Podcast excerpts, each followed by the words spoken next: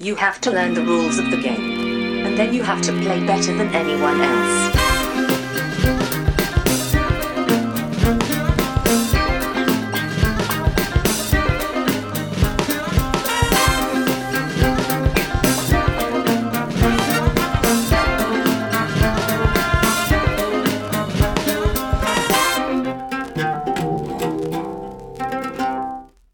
Hej och välkomna till Vems tur är det första intrycket? Podcasten där jag och Brisse tillsammans med två till fyra av mina vänner spelar ett spel första gången och sen ger vårt första intryck av det spelet. Idag är jag med mig Sebastian, Tjena. Anders Hej, hej. och Josefin. Hej, hej. Idag ska vi spela Manitoba. Det är ett spel som är utgivet 2018 av DLP Games. Det är designat av Remo Consadori och Marco Pan- Pranzo. Med illustrationer av Dennis Lohausen, som vi hade även i förra avsnittet. Ja. Ja. Nu kör vi bara spel av Dennis Lohausen. Eller med hans illustrationer i fortsättningen. Finns en del att ta av. Antagligen, ja. Jag kollade sist tror jag att han har så här 30 sidor någonting på vår invik. det är ganska många. Rimligt. Är det Manitoba någonting ni har hört talas om tidigare i spelet? Nej. Har ni hört talas om platsen? Eller? Eller fi- finns det inte någon mer brädspel som heter Manitoba? Eller, Det det låter som en... tror jag inte. Det ut att handla om amerikansk, vad heter det? In... Urinvånare. Urinvånare heter det. Det är korrekt, fast de är kanadensiska. Jag tror De är utspelar sig i kanadensiska. Kanada. Jag tror Manitoba är ett område i Kanada. Eh, Och det handlar om, om Cree-folket. Mm, Cree.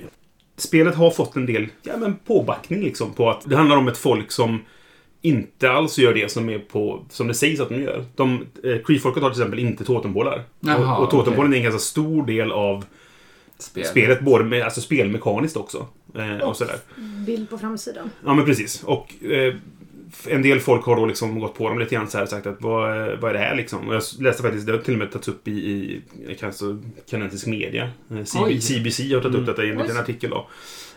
Och företaget har då gått ut och liksom så här Ja, men eh, det här är ju konst.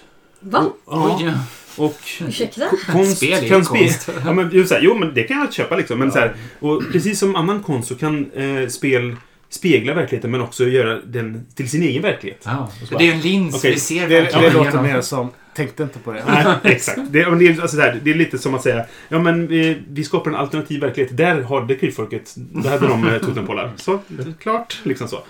Bara, Ehm. Be om ursäkt. Ja men... Gör en pudel. Klart. Och så här, gör lite research. Jag lyssnar på en Skicka med en legacy-sticker som man kan... Det, sätta över. Eh, nej men jag, jag, jag hörde en podcast där det var en, en kanadensare som var väldigt upprörd över detta. Han, han, ehm, han sa liksom att det, det, det om du bara läser de första raderna på Wikipedia om krypfolket så Oj. står det där liksom sådär. Och gud, det eh, är så himla illa till och med. research. Ja, ja verkligen så. Eh. Nu ska, nu, nu ska vi spela spelet och kanske bedöma det på andra grunder. Men det är lite intressant att ta upp det ändå för att det, det har snackats en del om det och, och det har blivit lite trådar så här på, på Board Game Geek. Och, och som sagt, när ett av Kanadas största mediebolag tar upp det, liksom, då, då, då är det någonting om man säger så. Ska vi ta och spela helt enkelt så får vi se vad vi tycker om själva spelet. Ja! Yes. Det gör vi det. Strax tillbaka med våra första intryck.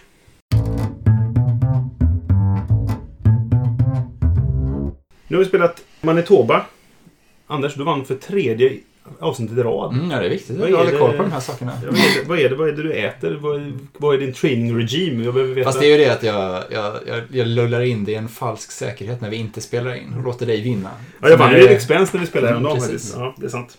Men nu när ni verkligen gäller det då, that's when I bring my Nu A-game. när det spelas in och, och liksom är on the record. Liksom. Japp, japp. Ja, så är det. Som när det i statistiken ska jämföras så.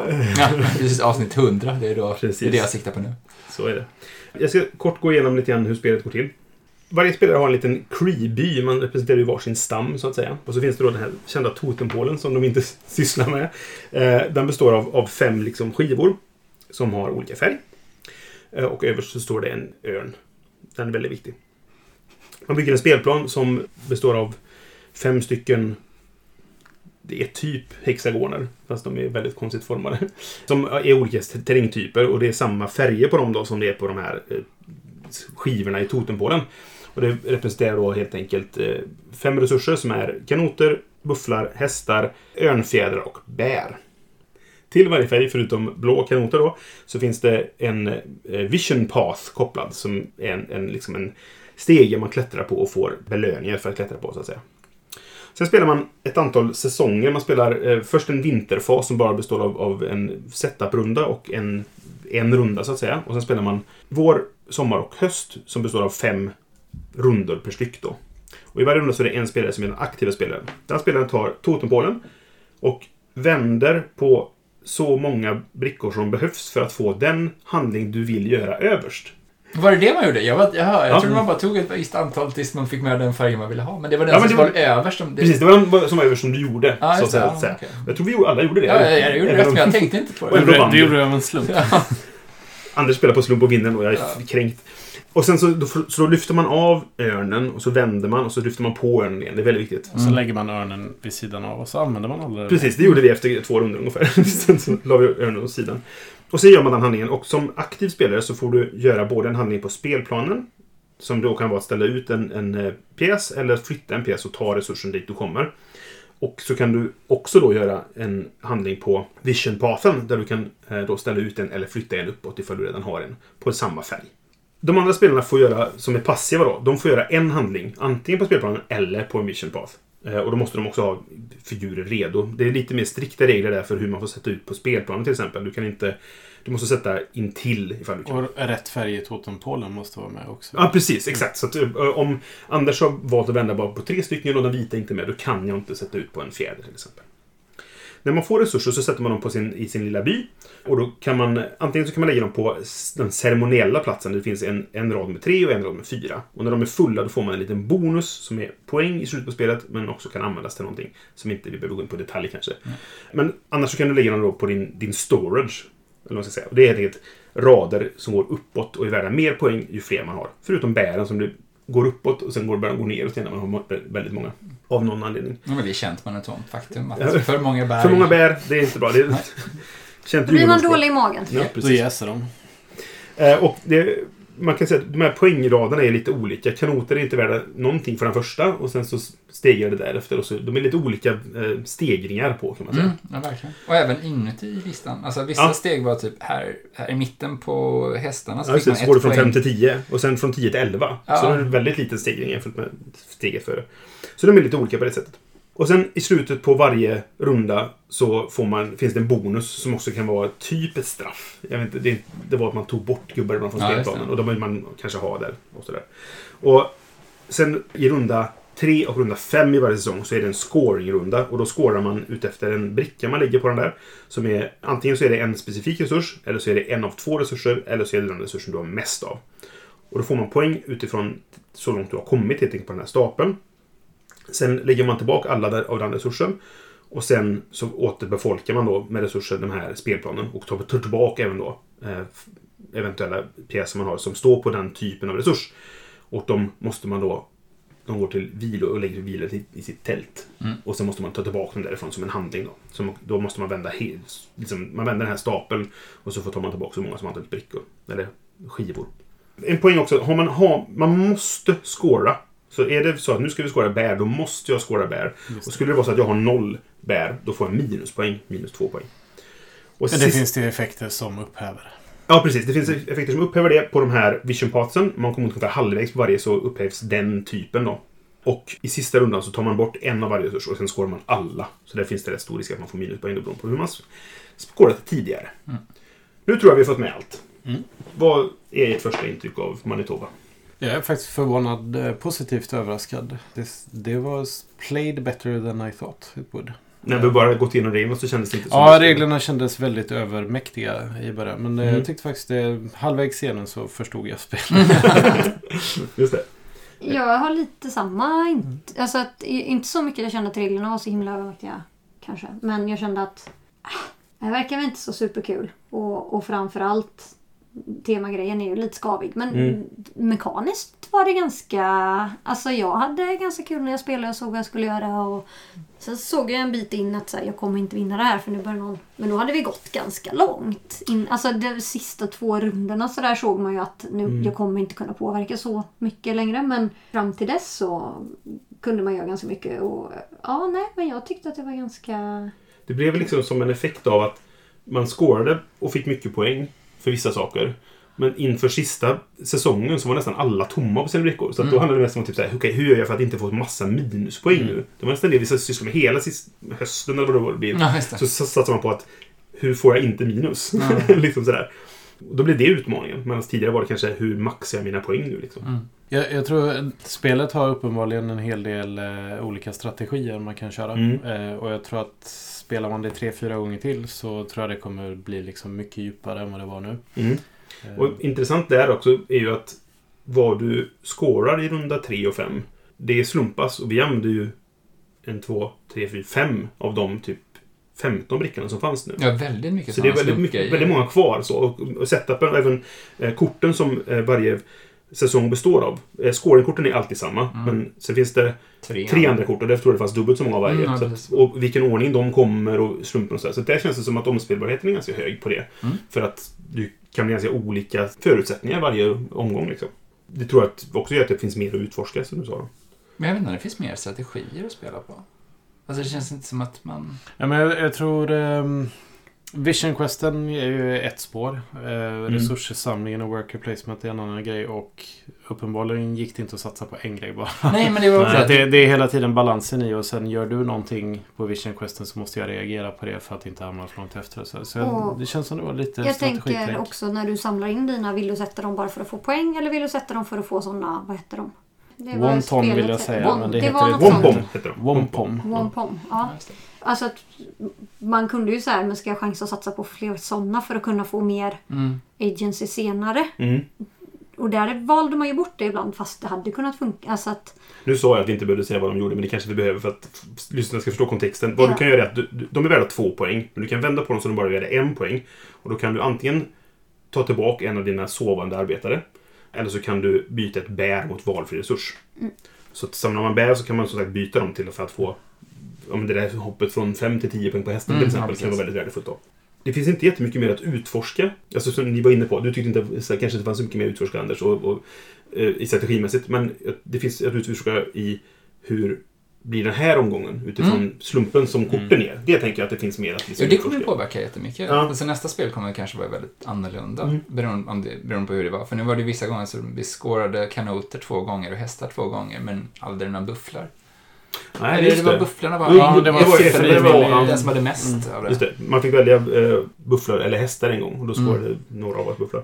och jag tänker den där vi hade som var värd ganska mycket som var värd 6 poäng där det var den som har flest arbetare ute. Mm. Den var ju väldigt svår att påverka beroende på när den kom. Jo, och speciellt Alltså- som den eh, föregicks av rundan före så var det att alla tar bort en Ja. där från spelplanen. Mm. Vilket gjorde att vi tömde spelplanen och sen så kunde alla ställa ut en. Så alla fick sex poäng i den rundan. Ja, förutom Om inte jag hade klantat mig så hade jag Ja, ju det. haft hade du 6 kunnat poäng. Mm.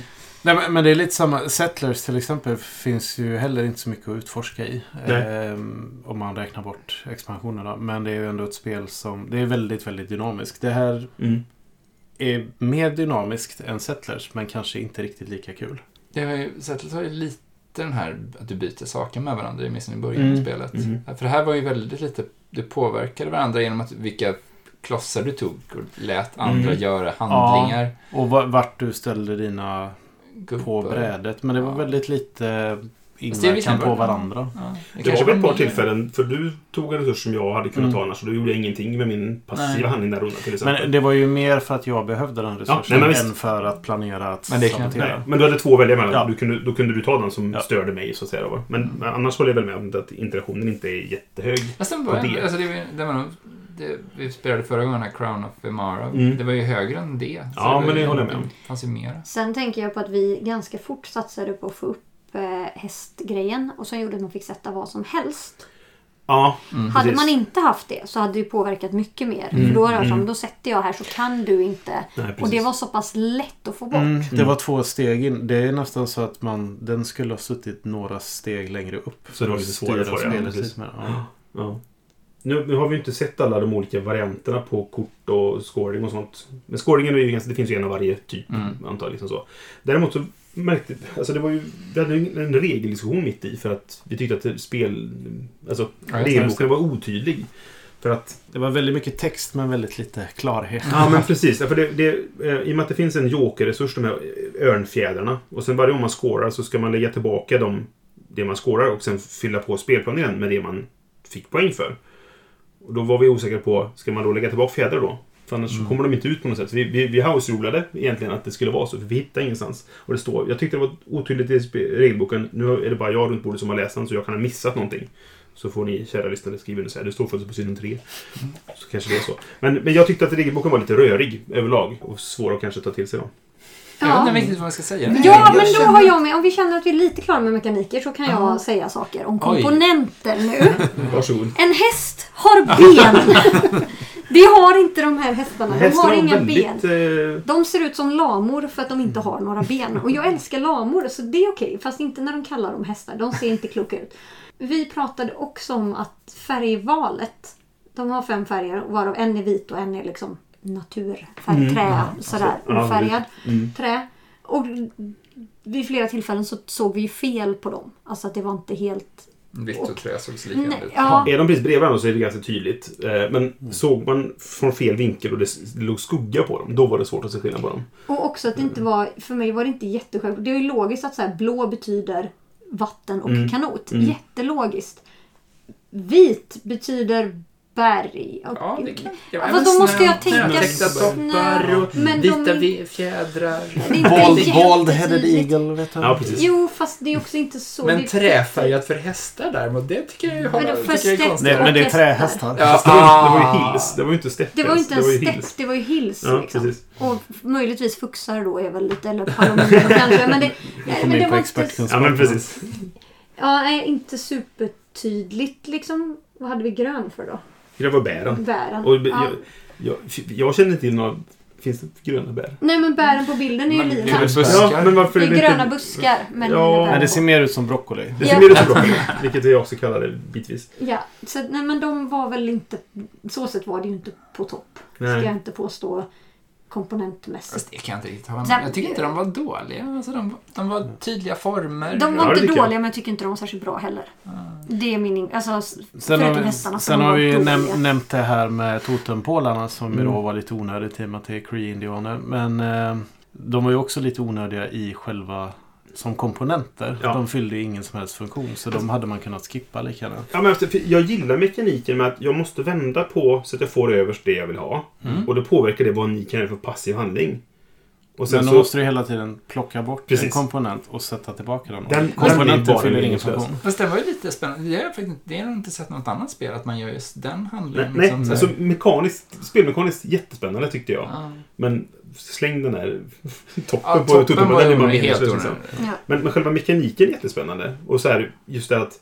Och sen stackar jag på det som jag, de jag inte tog lägga överst. Mm, så det som Så då, så då kommer de in i spel och, och så där vidare. Och det tycker jag var jättespännande. Det var nästan den bästa grejen med spelet. Att utforska det liksom. Men överlag så var ju temat är ju inte särskilt tungt. Alltså Nej. det, det genomsyrar ju inte riktigt det du gör. Nej. Det Nej. skulle kunna vara eh, liksom, Bönder eh, och- Bunder alltså- medeltiden så det Ja.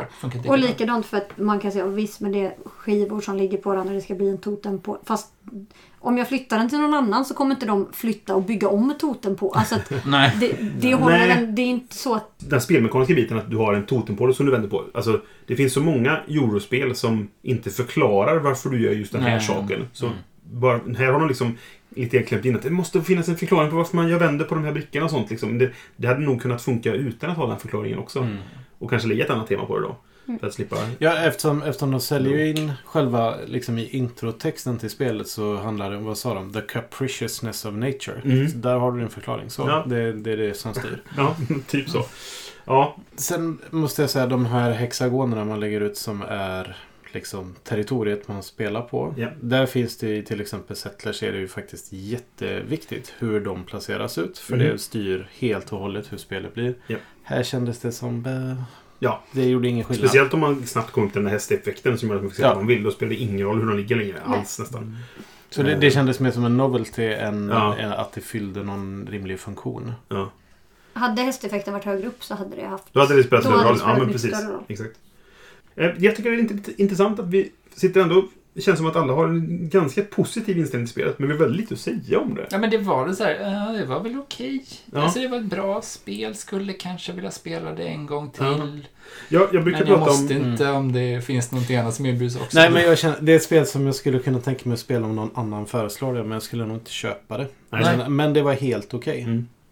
Jag brukar prata om ibland när jag skriver recensioner och sånt, så jag brukar prata om arbetshästar.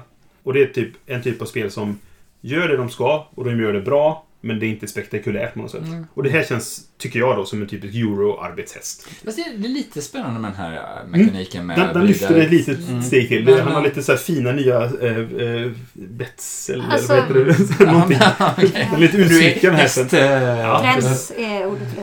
Tack. Ja. Eh, Men, nej, men det, det, är en arbetshäst men som är lite utsmyckad. Den har en fjäder som en sån här cirkushäst har. Ah, mm. När han rider runt och plogar. Eller hade den en örnfjäder? En vad? En örnfjäder. En örnfjäder har den Ja, som en ja. cirkushäst. Alltså jag, tänk, jag håller med om att den här mekaniken helt klart drar upp. För den var intressant och kul. Mm. Men det är ju också så att fuck-upen med temat drar ner. Jo, men det, Så, jo, så eh, är det väl. Eh, Och det är lite synd för det, det är så himla onödigt. Mm. Det hade varit så lätt för dem att Va, sen man, får, ett- man kanske ska säga Hade jag inte läst artiklar om det här så hade jag inte reagerat på det. För jag känner inte till Cree-folket så väl att jag, jag vet inte att de inte har totempålar till exempel. Men du tänker att det här är ett PR-trick från deras sida?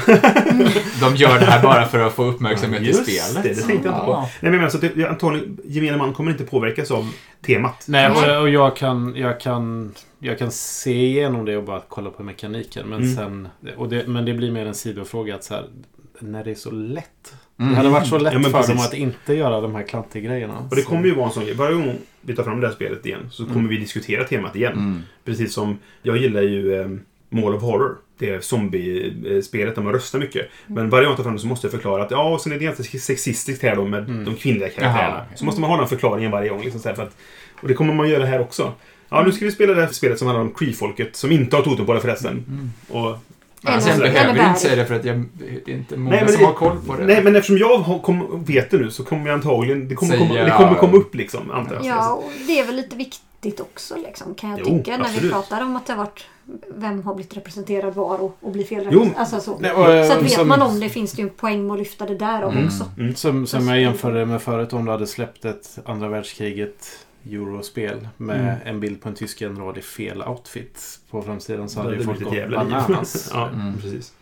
Jo, men så är det. Och jag, jag tycker absolut det är värt att lyfta. Men jag tror också att det är inte alla som kommer spela det som kommer ens veta om att det här är en grej. Och då kan man, man, kan man fortfarande spela det liksom så. Och jag kommer, kan fortfarande spela det, men jag kommer antagligen prata om det utifrån Mm. den kontexten. Jag tänker på, det är det ett gateway-spel? Det är det inte riktigt. Det är ganska lätt riktigt. att lära ut ändå. Ja, men det känns som det är så- ett litet steg upp ändå liksom.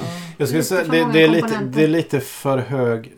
Hur länge förklarar du reglerna? En halvtimme innan? Ja, det så här, var det nog. Det är liksom en halvtimmes regelförklaring innan Mm. man börjar spela. Det är kanske lite mycket för att vara Hur länge spelade vi? Eh, ett ögonblick. ska vi Fast jag kan tänka mig att den regelförklaringen var ju för att inte vi visste reglerna också. Jag tänker att om, någon, om du hade spelat reglerna skulle du inte förklara dem på det sättet som du gjorde Nej, nej, precis. Hade jag spelat Mm. det tidigare så skulle jag kunna förklara det på ett annat sätt. Ja. Antagligen. Mm. Vi, vi spelar i en timme, så att vi förklarar reglerna ungefär hälften av tiden som vi, Mm. Som vi spelar. Ja, för det kändes som Ja, ja ganska Men om du hade läst dem nu så hade det kanske gått på 10 minuter Ja, inspelningstid. tio, och- ja. Tio, tio en kvart kanske. Men jag kan tänka mig för någon som har spelat Settlers, eller den typen av spel, och är Mm. liksom vill testa någonting som är lite mer komplicerat, så tror jag att det här skulle man kunna rekommendera. Alltså det... Ja, men precis. Har du lite vana. Det, det är så lite ett steg upp. Gateway Ja, plus eller som ja, man ska kalla det. så. Ja, jo, visst. Det tror Och jag. det, och det är ju ett trevligt spel. Alltså vi Mm. hade ju roligt när vi spelade. Ja, Mm. absolut.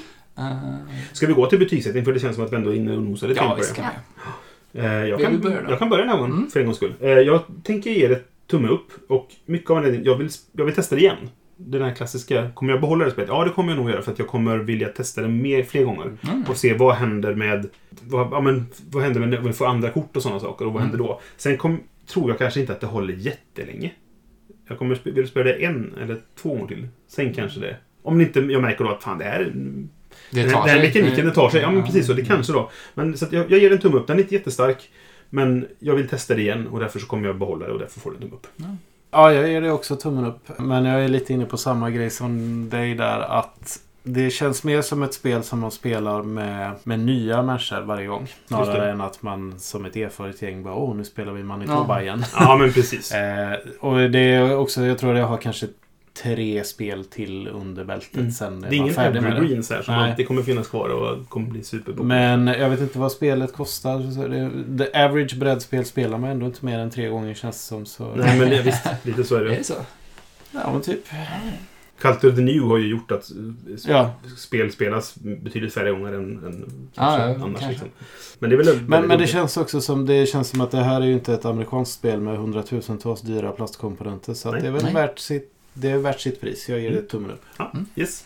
Jag ger det också tummen upp. Jag tror inte att jag kommer spela det igen. Men jag tycker Nej. att det var ett bra spel och det, det förtjänar att testas. Alltså om någon, om du som lyssnar är där ute och någon föreslår ska vi spela Manitoba så tycker jag att du ska säga ja. Eh, Det, ja, men visst. Absolut. För att det är värt att testa liksom. Mm. det, det är roligt. Men Just den här mekaniken med att vri- vrida på saker och välja vad du ska göra när du är passiv. Så att du, det är ju aldrig någon downtime eftersom du ändå är med, med på när någon annan gör grejer. Ja, men precis. Du, kom, du kan tänka ut vad kommer- Nu har du valt Ja. vilken handling du vill göra. Okej, då har jag de här tre att välja på för det är de som du vänder Precis, på. det Liksom. var Ja. väldigt, man hade aldrig, man satt aldrig Nej, tråkigt. precis. Och Det, liksom- det var väldigt trevligt, så, men det är, jag tror inte ett spel som jag, jag kommer inte ta ut i hyllan och tänka liksom, Åh, vad jag vill spela med Ja, Manitoba. det är väl som om vi vi sitter här och tittar på din, dina 2000 spel. Så är det ju inte liksom, åh, Manitoba, det, Det- jäklar, nej, det ska nej, vi men köra. visst, Utan Det, det är det, men det gör jag ju alltid med halvvägs igenom så börjar jag tänka så här. Åh, en liten expansion till det här som fixar några grejer. Ja, men eh, Ja. Möjligtvis med en liten expansion så hade det gått upp till två tummar upp. Fast jag, jag tänker att det var så många saker vi inte såg nu. Massa kort som inte... Mm. Så att jag vet inte om en expansion Alltså jag tror att klara- korten är mer... Korten kändes som det att det var- bara random. Det var Ja. inte som att det kanske tillförde mer spelmekanik. Jag tänker att en expansion är oftast för att du, vill, du har ett spel du tycker om och vill ha någonting nytt med det. Och visserligen, om man har spelat det här en fem sex gånger och kanske gått igenom alla korten, det är då man vill ha en expansion till det som gör lite mer variation. Mm. Jag Jag kollar, jag kollar på så här, det finns, det finns nio olika effekter på korten. det Så, så det känns som att många av dem kanske återkommer. Men det gjorde de ju också. Ja, Mm. precis. Så det, det, det är inte oändligt antal liksom sådana...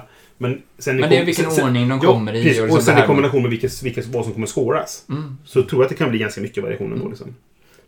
Det är svårt att se vad en expansion till det här skulle kunna göra. Nej, det blir inte snarare en expansion. Det blir kanske mer house ruling. Ja, precis. Men däremot kan jag tänka mig att om någon eh, ser det här spelet och spelar det och så tänker men det här hade funkat jättebra i andra världskriget. Mm. Om vi bara lägger till de här grejerna så tror jag att det hade kunnat vara ett väldigt roligt spel. En totempåle. Ja, men alltså, precis. Jag, jag tror man kan ta den mekaniken och göra ganska mycket olika saker Ja. med den. Liksom. Alltså nu har jag velat skitlänge. Men jag landar nog i tummen ner. Mm. För att en av sakerna som påverkar detta är att jag precis kommer hem från, från Knutpunkt som var nyss. Eller Knudepunkt, för det var i Danmark. Min danska är horribel. Eh, Du får gärna... eh, Vilket så var det är. Vad är det för? Precis, det är den stora konferensen för Nordic LARP. Alltså levande rollspel fast i den, lite i den nordiska genren. Flyttar mellan Sverige, Norge, Danmark och Finland. Så det är på olika ställen varje år. Japp. Och i år var det väl 600 deltagare från 28 olika länder tror jag vi var. Mm. Men de flesta från Norden. Och där pratar vi mycket speldesign. Framförallt live-design då. Och då, eh, det som har varit den stora diskussionen nu har varit att inte bara titta på mekaniken utan titta på sakerna runt omkring. Vilket i lives sammanhang handlar mycket om workshops innan och även så här hemsidor och information ut och efterarbetat. Det, Experience design. ja, att allting Mm. är en del, är en designbar yta på något sätt. Och att det Fuckar du för infon till exempel så kan det fucka hela informationen även om livet är perfekt designat. Mm. För att det påverkar din upplevelse så pass mycket. Och någonstans i det tänker jag att om man inte ens har gjort en googling. Nej. Alltså det, det, det är en sak om det här var ganska obskyr information som var svår att få tag på. Då hade jag kunnat köpa det mer. Mm. Men om det är två meningar. Alltså det, det, det är inte okej. Nej. Eh, det på Wikipedia. Alltså det, det, det drar ner det. Men jag står ändå och velar på gränsen. Och som sagt, jag håller med Anders om någon säger vill du spela det här så säg ja. För det tycker jag att så här, det är ändå eh, som sagt flera mekaniker jag hade kul när jag spelade. Men jag känner att jag tycker att det är så pass viktigt med sådana designbeslut att det får inte vara slarv. Det är liksom inte okej. Nej. Det är för lätt att lösa. Så det fäller det faktiskt precis under för mig. Men som sagt, har någon annan köpt det och du blir erbjuden att spela så prova det för mekaniken är intressant. Men ja, Mm. Nej, men absolut. Jag köper jag det. landar där efter väldigt mycket velande. Vilket Ja. väl också säger någonting om att Då, är- då var det inte... Du var på gränsen, som sagt. Ja, Mm. och hade, det, hade de inte gjort det eller det hade varit ett annat tema så hade det ju nog, hade det garanterat fått tummen upp skulle jag säga.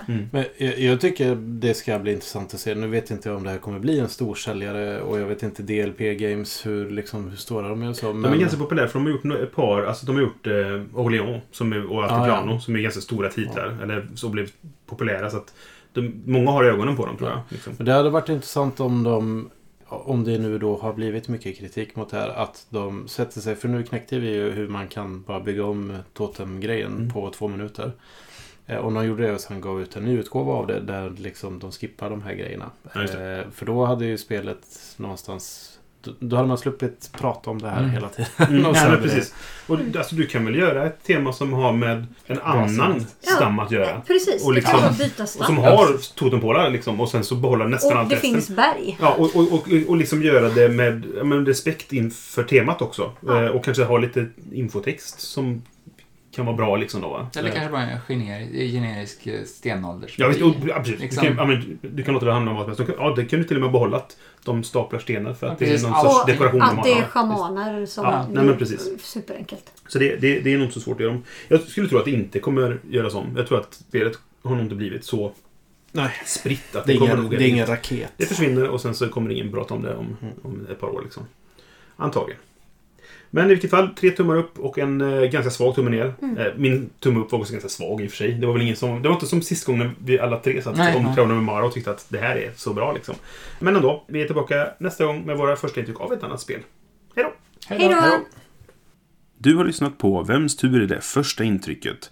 Du kan hitta oss på Facebook på facebook.com spelradio. Där får ni gärna kontakta oss om ni har några frågor eller tankar om podden eller om spel i allmänhet. Vi har också en hemsida, spelradio.se, där ni kan lyssna på våra avsnitt. Det går också att prenumerera på oss på iTunes eller andra poddprogram. Musiken är gjord av Robin William Olsson.